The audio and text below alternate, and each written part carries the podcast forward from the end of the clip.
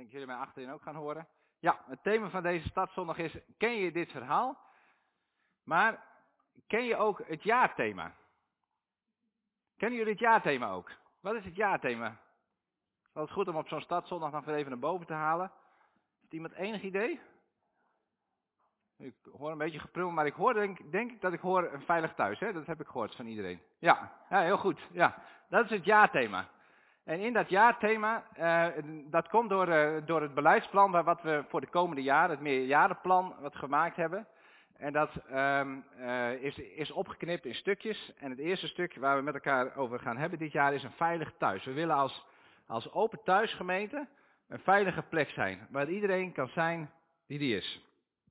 En die veilig thuis is weer opgeknipt, ook weer in drie stukjes.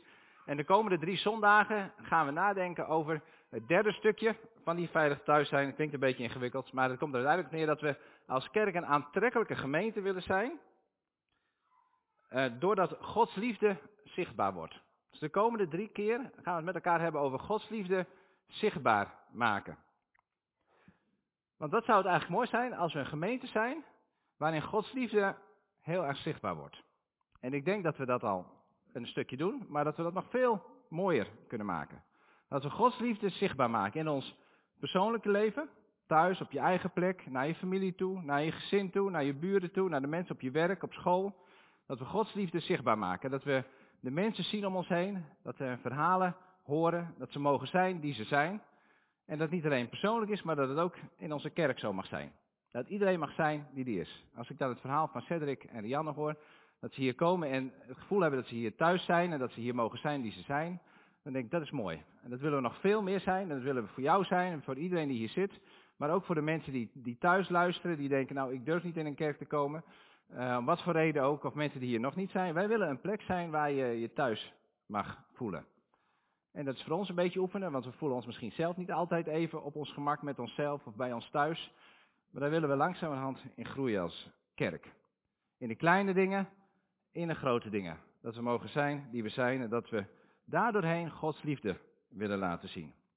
Niet alleen voor onszelf hier binnen, maar ook voor mensen buiten in de buurt waar we wonen. Door een kaartje te sturen. We geven ook de bloemen weg. Eén keer per maand geven we weg aan mensen buiten de gemeente. En zo gaan we daar de komende jaren groeien. En misschien ook wel door rolschaatsen uit te delen aan mensen om ons heen. Dan denk je, waar heeft hij het nou over? Nou, misschien ken je dit verhaal. Uh, eind augustus stond er in Trouw een column van Emine Uger. Geen idee of je hem gehoord hebt, of je gelezen hebt, uh, of je dat verhaal kent, maar daar wil ik een klein stukje uit voorlezen. En dat gaat over rolschaatsen. Zij kreeg rolschaatsen van een buurvrouw, maar haar vader zei na een tijdje, gooi die rolschaatsen maar weg. Nou, dat ga ik voorlezen. Zij schrijft, ik had ooit een buurmeisje dat nieuwe rolschaatsen kreeg voor haar verjaardag. Op de dag van haar verjaardagsfeest werd ik door haar moeder naar binnen geroepen. Ik mocht de oude rolschaatsen van het buurmeisje krijgen. Vermoedelijk vond de buurvrouw het zielig dat haar dochter altijd aan het rolschaatsen was en ik ernaast moest lopen. Ik moest daar te midden van alle grootouders, ooms en tantes de rolschaatsen, die te groot bleken, passen en buurvrouw maakte heel enthousiast foto's van het moment. Ik voelde me heel ongemakkelijk en verlegen. Tegelijkertijd voelde ik me er ook schuldig over, want deze buurvrouw had mij iets gegeven wat ik stiekem al heel lang wilde. Maar de blijdschap die ik erbij hoorde te voelen, die bleef uit. Ik heb de rolschaatsen een paar keer buiten voor onze flat gedragen. Terwijl buurvrouw regelmatig van de galerij riep dat ik er voorzichtig mee moest zijn. Want het waren best dure dingen hoor. Totdat ik ze van mijn vader moest weggooien. Ik begreep niet waarom. Later vertelde haar vader dat hij de buurvrouw op de galerij tegen andere moeders had horen zeggen dat zij die rolschaatsen cadeau had gegeven. En dat mijn vader mij moest waarschuwen, want ik was het natuurlijk niet gewend om die kostbare dingen te dragen. Mijn vader zei, het was geen cadeautje voor jou, het was een cadeautje voor haarzelf. En zo gaat het verhaal nog een stukje verder. Die buurvrouw die heeft vast in alle goede bedoelingen die rolschaatsen aan het meisje gegeven. En misschien had ze wel niet eens door dat het eigenlijk een cadeautje voor haarzelf was. Zij vond het zo mooi om iets te geven En zij had blijkbaar een schouderklopje nodig van, hé, hey, heel goed wat jij doet. Echt heel fijn wat, wat ik aan het doen ben, dat ik toch wel even iets doe voor die gastarbeidkindertjes. Want dat staat verderop in het verhaal. En toen ik over dit thema nadacht, Gods liefde zichtbaar maken, Gods liefde uitdelen, toen dacht ik, als we dat nou, die rolschaten vervangen door onze opdracht om Gods liefde uit te delen aan mensen om ons heen. Hoe makkelijk is dan ook het gevaar dat wij net zo handelen als die buurvrouw? Dat wij omzien naar de mensen om ons heen, maar dat het eigenlijk een cadeautje is voor onszelf. Dat wij een gemeente zijn die heel goed zijn voor elkaar en heel goed voor de mensen om ons heen. Voor elkaar kaartjes sturen, bloemen uitdelen. En misschien in woord ook heel veel over Gods liefde praten en uh, het willen uitdelen, willen evangeliseren. Maar eigenlijk de evangelisatie als een soort ja, marketing tool gebruiken. Omdat we eigenlijk graag willen dat mensen dan wel uh, christen worden. Dat ze bij ons in de kerk komen en dat onze kerk gaat groeien. En dat wij als kerk denken, nou, we zijn een mooie kerk. We zijn mooie christenen. We doen het eigenlijk hartstikke goed. Dat het eigenlijk een cadeautje is voor onszelf. Net zoals die buurvrouw die een schouderklopje nodig had. En je denkt, nou, doen we het eigenlijk best wel heel goed. Dat gevaar bestaat. En wat zou het mooi zijn als we Gods liefde zichtbaar kunnen maken. Helemaal om niet. Gratis, om niet, om het gewoon uit te delen. Zonder dat mensen dankjewel hoeven te zeggen. Zonder dat wij het gevoel hebben, het nodig hebben om dat te horen, dat we het geweldig doen. Gewoon om het uit te delen, om niet. En dat we zo Gods liefde zichtbaar maken, zonder dat we er zelf beter van hoeven te worden. Zonder dat mensen hun levensstijl hoeven aan te passen. Zonder dat mensen wat dan ook, we willen gewoon het evangelie uitdelen, Gods liefde uitdelen aan mensen om ons heen. En vanochtend wil ik met jullie kort even nadenken over hoe kunnen wij nou Gods liefde zo zichtbaar maken, waarbij onze motivatie, onze eh, drive waarom we het doen, heel zuiver blijft. Dat we het niet doen om er zelf beter van te worden, om er zelf een cadeautje aan over te houden goed kijken naar onze motivatie. En dat is ook wel een beetje lastig, want je kan dat nooit helemaal doorgronden. Je weet nooit helemaal precies waarom je dat allemaal doet. En het is ook wel een beetje een mix, maar ik denk dat het goed is om erbij stil te staan en ons uit te strekken van dat we het steeds meer doen om niet en het gewoon willen doen omdat we Gods liefde willen delen. En ik wil met jullie kijken naar het leven van Jezus, hoe hij dat deed. Want zijn leven was vol van delen, vol van uitdelen van Gods liefde. En ik pak een paar delen uit, uh, uit de evangelie en we gaan ook een stukje lezen. Het eerste stukje wat ik erbij pak is de doop van Jezus. Als Jezus aan het werk gaat, dan wordt hij gedoopt door Johannes in de Jordaan. En als hij dan gedoopt is, dan komt er een stem uit de hemel. Dan is God die zegt, dit is mijn geliefde zoon, in wie ik mijn welbehagen heb. Vanaf de start van Gods missie zegt God tegen Jezus, jij bent mijn geliefde zoon, in jou heb ik mijn welbehagen. Vanaf het begin af aan wist Jezus, God houdt van mij. En wat ik ook doe in deze wereld, hoe ik ook liefde uitdeel, of wat ik ook, uh, ook doe, ik hoef geen liefde te ontvangen van mensen om me heen. Die heb ik niet nodig, want ik heb het van God ontvangen. Het grootste cadeau heb ik al van God zelf gekregen. Hij houdt van mij. En als mensen iets om me houden, van mij houden, als ik geen cadeautjes van mensen om me heen terugkrijg, dat maakt me niet uit, want God houdt van mij. En vanuit die kracht en vanuit die liefde ga ik aan de slag. En dat bleek ook aan het eind van Jezus' leven, toen hij stierf, gingen mensen hem kruisigen en hebben mensen hem gedood. Maar Jezus ging door. Hij wist vanaf het begin af aan, dit is mijn geliefde zoon. In jou heb ik mij wel behagen. En als we verder lezen in het evangelie, dan zegt Jezus, ik kan niets doen dan dat ik het zonder de Vader doe. Ik wil het alleen maar doen vanuit de Vader. Ik kan niet anders doen dan dat ik het vanuit de Vader doe. Met andere woorden, ik krijg van God, van mijn Vader, de kracht, de visie, de liefde om deze wereld in te gaan. En als dat er niet is, wil ik niks doen en kan ik niks doen. En het wordt heel concreet in Johannes 13, als we het hebben over de voetwassing. Als Jezus aan de vooravond staat van dat hij gekruisigd wordt, dan wast hij de voeten van zijn discipelen. We kennen dat verhaal denk ik wel. Johannes 13 kun je dat vinden. Maar voordat Jezus door de knieën gaat en de voeten wast van zijn discipelen, dan staat er een hele mooie zin. Dan staat, Jezus wist waar hij vandaan kwam. En hij wist waar hij naartoe ging. Hij wist dat hij bij de Vader vandaan kwam en dat hij daar naartoe ging en dat hij van God alle macht in de hemel en op aarde gekregen had. Jezus wist wie hij was, hij wist zijn positie, hij wist dat zijn vader van hem hield. En vanuit die liefde, vanuit die verbondenheid, ging hij door de knieën en ging hij de voeten wassen. Ja, liet hij zich aan het kruis nagelen. Onvoorwaardelijke liefde ging hij uitdelen. En dan neemt Jezus ons ook mee in Johannes 15 om, zoals hij leeft, zoals hij die liefde uitdeelt, dat ook met ons te delen en ons aan te moedigen om dat ook te doen. En dat lezen we in Johannes 15, vers 1 tot 8. En dat lees ik met jullie voor uit de basisbijbel. Je mag meelezen, maar dan heb je misschien net wat een andere vertaling. Maar als het goed is, dan komt het allemaal een beetje op hetzelfde neer. Um, Johannes 15, vers 1 tot 8. En dat gaat over de wijnstok. Of de wijnstruik, zoals de basisbijbel dat vertaalt. Jezus zei, ik ben de echte wijnstruik en mijn vader is de wijnboer. Elke tak aan mij, waar geen vruchten aan groeien, die haalt hij weg. En elke tak waar wel vruchten aan groeien, die snoeit hij. Hij maakt hem schoon van alles wat daar niet mag groeien. Zo gaan er nog meer vruchten aan die tak groeien. Jullie zijn al schoon door wat ik jullie heb gezegd. Ik blijf in jullie. Blijf nu ook in mij. Als een tak niet aan de wijnstruik blijft vastzitten, kunnen er geen vruchten aan groeien. Zo kan er ook geen vrucht aan jullie komen, groeien, als jullie niet in mij blijven. Ik ben de wijnstruik en jullie zijn de takken. Als jullie in mij blijven en ik in jullie blijf, zal er veel vrucht aan jullie groeien, want zonder mij kunnen jullie niets doen. Als jullie niet in mij blijven, verdrogen jullie. Verdroogde takken worden weggegooid en verbrand.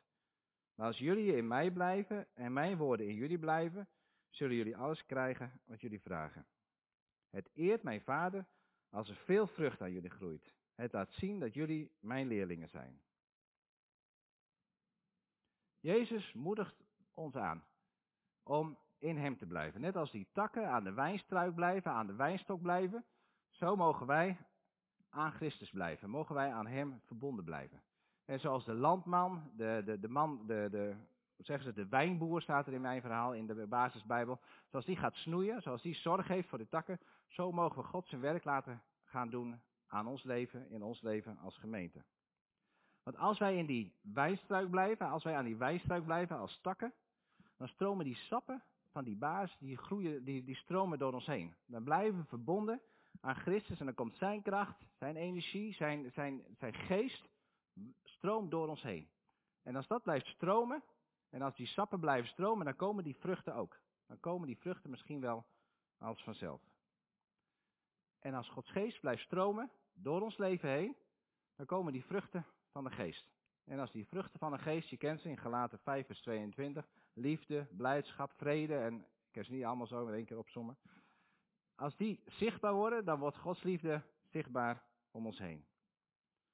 Met andere woorden, als we Gods liefde zichtbaar willen laten worden om ons heen, dan moeten we ons niet in de eerste plaats richten om die vruchten uit te persen, maar dan moeten we vooral zorgen dat we verbonden blijven met Christus. God verbindt zich aan ons en wij verbinden ons aan Christus. En het is voor God een hele serieuze zaak om aan ons verbonden te zijn. Want we hebben vorige week hebben we het avondmaal gevierd en hebben gezegd de beker van het verbond gedronken. God wil een verbond met jou en met mij sluiten en hij wil aan ons verbonden blijven. Vorige week hebben we ook de trouwdienst gehad van Cedric en Rianne. En ze hebben ook een verbond gesloten. Wat een beeld is van het verbond dat Christus zich aan ons wil verbinden. En ons zijn kracht, zijn geest wil laten stromen. Ik heb het vorige week ook gezegd, als je de Bijbel opent, dan zie je ook twee verbonden. Het oude verbond en het nieuwe verbond. Voor God is het verbond een hele serieuze zaak. En hij wil heel graag aan ons verbonden blijven. In Romeinen 8 lezen we ook, niets kan ons scheiden van de liefde van Christus. Geen, geen dood, geen leven, geen engelen, geen buitenaardse kracht of wat ook. Geen corona staat er in de basis. Oh, dat staat er niet, maar geen corona. Niks kan ons scheiden van de liefde van Christus. Dus voordat we rolschaatsen gaan uitdelen aan buurtkinderen, voordat je kaarten gaat sturen, voordat je allerlei dingen gaat doen, is het goed om na te denken, ben ik verbonden in Christus? Ben ik verbonden aan God? En dan is eigenlijk de vraag, God is wel aan ons verbonden, maar hoe ben jij, hoe kun je zo verbonden zijn aan Christus, dat Gods kracht, Gods geest ook blijft stromen door jouw leven heen? En dat is geloof ik voor iedereen weer anders. En ik heb daar wel heel veel adviezen over gehoord in mijn leven. Het beste zou zijn als je echt je geloof wil verdiepen en dicht bij God wil blijven, dan moet je iedere dag stille tijd gaan houden. En het liefst moet je dat s'morgens doen voordat je naar je werk gaat of naar school gaat. Dus als je om 7 uur naar je werk gaat, dan moet je om 6 uur uit je bed om stille tijd te houden en om Bijbel te lezen. Iedere week een hoofdstuk lezen uit, nou, iedere dag een hoofdstuk lezen uit de Bijbel. Zoveel mogelijk preesmuziek opzetten. Dus alle andere muziek weggooien, maar alleen preesmuziek luisteren, want daarmee blijf je verbonden aan God. En vooral ook iedere week naar de kerk gaan. Want als je iedere week naar de kerk gaat, dat is echt het allerbeste voor je relatie met God. Nou, je hoort dat ik een beetje overdrijf, want dat zijn op zichzelf allemaal goede adviezen. Maar de vraag is, wat maakt dat, wat, de, de vraag is van, hoe blijf jij zo verbonden aan God dat Gods geest blijft stromen door jouw leven heen? En voor de een is dat inderdaad s morgens heel vroeg opstaan en de Bijbel te lezen, maar voor de ander is dat weer heel iets anders. En wat is dat voor jou? Wat maakt dat jij verbonden blijft aan God? En wat maakt dat Gods geest, dat zijn kracht door jou heen blijft stromen, zodat jij vrucht kan gaan dragen? En ik geloof dat dat voor iedereen iets anders is. Voor de een is dat misschien wel uh, de natuur ingaan en stil worden en misschien één Bijbelvers lezen en daar heel goed en diep over nadenken. Voor de ander is het misschien wel stil worden, kerkorgelmuziek aan en oude psalmen horen en daar echt de verbondenheid met God daarin voelen. En weer voor de ander is het misschien juist wel heel actief zijn, om bezig te zijn in Gods koninkrijk en uh, bezig zijn met idealen, met, met, met de, de, de, het milieu en actie voeren op die manier, om daarin die verbondenheid met Christus te voelen. Voor iedereen is dat anders. We hebben een aantal jaar geleden hebben we de spiritualiteit wijzen gedaan. Het klinkt heel eng, maar het viel heel erg mee, bleek toen ook al wel. Staat zelfs op de site van de EO. En daarin staan allerlei verschillende manieren hoe je je geloof kan verdiepen. En er staat inderdaad, de ene is doet het in de natuur en de andere heeft uh, tradities nodig. En weer de andere houdt van stilte, de andere houdt van actie. En het is goed om te weten wat voor jou uh, maakt dat jij je geloof verdiept. En dan gaan we over nadenken. Ik denk, wat, wat zou het mooi zijn als we nou eens een experiment met elkaar zouden doen? Stel je eens voor, een experiment dat um, we gewoon een jaar lang niet naar de kerk kunnen. Ja, je moet een jaar lang moet je thuis blijven. En dan kun je kijken of de kerkgang, of dat ook verdieping gaat brengen. Of dat je zegt van nou, mijn geloof verdiept zich toch wel, want ik heb een hele andere manier gevonden om mijn geloof te verdiepen. Wat zou het een experiment zijn als we nou je leven zo stil komt te staan, zodat je niet naar je werk kan, thuis zou moeten werken, uh, niet naar sportclub kan of zo, maar dat je gewoon, en dat je misschien wel allerlei andere manieren gaat bedenken om je geloof te verdiepen. Dat zou een mooi experiment zijn. Dan zou je erachter kunnen komen dat alle standaard dingen die je doet misschien wel heel veel zin hebben om je geloof te verdiepen. Of misschien wel gewoon standaard dingen traditioneel waren, of dat is ook niet verkeerd, maar uh, eigenlijk geen inhoud hadden, maar wat je dacht dat het wel zo was. En dat hebben we al gedaan, hè, dat experiment. Dat gaan we niet nog een keer doen, hoop ik. En dat is wat ik je wil vragen, om daarover na te denken. En dat hebben we jullie gevraagd. Van wat heeft de afgelopen anderhalf jaar jou gebracht in je relatie met God? En wat, heeft je, wat heb je daarvan geleerd? En wat je daarvan geleerd hebt, wat, welke lessen zou je mee willen nemen voor het nieuwe seizoen? Misschien heb je wel heel veel beleefd met God de andere, afgelopen anderhalf jaar, veel meer dan dat daarvoor. Juist door dat het leven zo op de kop is gegaan. Juist door omdat er geen diensten waren. Maar misschien heb je juist wel helemaal niks meer beleefd met geloof in God. Omdat je de dingen juist miste die er niet waren, die je zo hard nodig had. Je kon niet op conferentie, je kon niet naar de diensten, terwijl je dat juist voor je geloof zo hard nodig hebt. Want als je weet wat jouw verdieping brengt, wat maakt dat jij aan die wijnstok verbonden blijft, waardoor Gods geest blijft stromen, dan kun je de komende jaren denken, oh, dat is goed, daar ga ik mee verder. En als je het gemist hebt, dan weet je ook wat je gemist hebt en waar je dan de komende jaren juist weer op in kan gaan zetten. En daar willen we met elkaar mee aan de slag. Daar heb je al over nagedacht door een titel te maken van je boek. En dan denk je, oké, dit heeft mij geleerd. En dat kan nogmaals iets heel vervelends zijn, een dieptepunt zijn of een hoogtepunt zijn. Maar dat kan ook beide zijn. En de kinderen hebben daar ook over nagedacht. En dan moet ik even alles goed zeggen, dat ik niks vergeet. Ja, en wat is nou de bedoeling? Jullie hebben ook gehoord welke titels er van die boeken zijn. Dat is ook wel een beetje moeilijk. Maar wat we gaan doen, is de komende 20 minuten ga je in groepjes van 2, 3 elkaars verhaal horen. Want daarom is dit thema ook, ken je dit verhaal? Ken je het verhaal van jezelf? Ken je het verhaal van de ander? Om dat te delen met elkaar. En omdat we dachten, het is heel mooi weer. En degene die een beetje kunnen wandelen zouden zeggen, ga even 20 minuten wandelen. Blijf niet een half uur weg, want we willen de dienst nog met elkaar afsluiten. Maar zoek iemand op, en misschien iemand die je niet zo goed kent, waar je denkt, ik ben nieuwsgierig naar jouw verhaal. En ik wil mijn verhaal delen. Dat kan heel kwetsbaar zijn, maar je kan iets meer vertellen of iets minder vertellen van wat jij wil. Nou, dat is verrassend. Ik zou zeggen, Het is nu eh, vijf over half. We zijn over twintig minuten terug en dan is het eh, vijf voor en dan sluiten we de dienst af. En dan is het twaalf uur en dan eh, is de dienst afgelopen. Dus ga met elkaar zitten. Maar ga vooral ook een kort wandelingetje maken. Hou de tijd in de gaten. En dan zie ik jullie zometeen terug. De mensen van de livestream, die mogen natuurlijk thuis ook met elkaar praten. eh, om erover door te praten. Ze krijgen ook een lied te horen. En eh, in de chat kun je ook nog allerlei dingen delen. Nou, ik wens jullie veel succes. Als je het niet leuk vindt, hoor ik het graag achteraf, maar doe eerst even mee.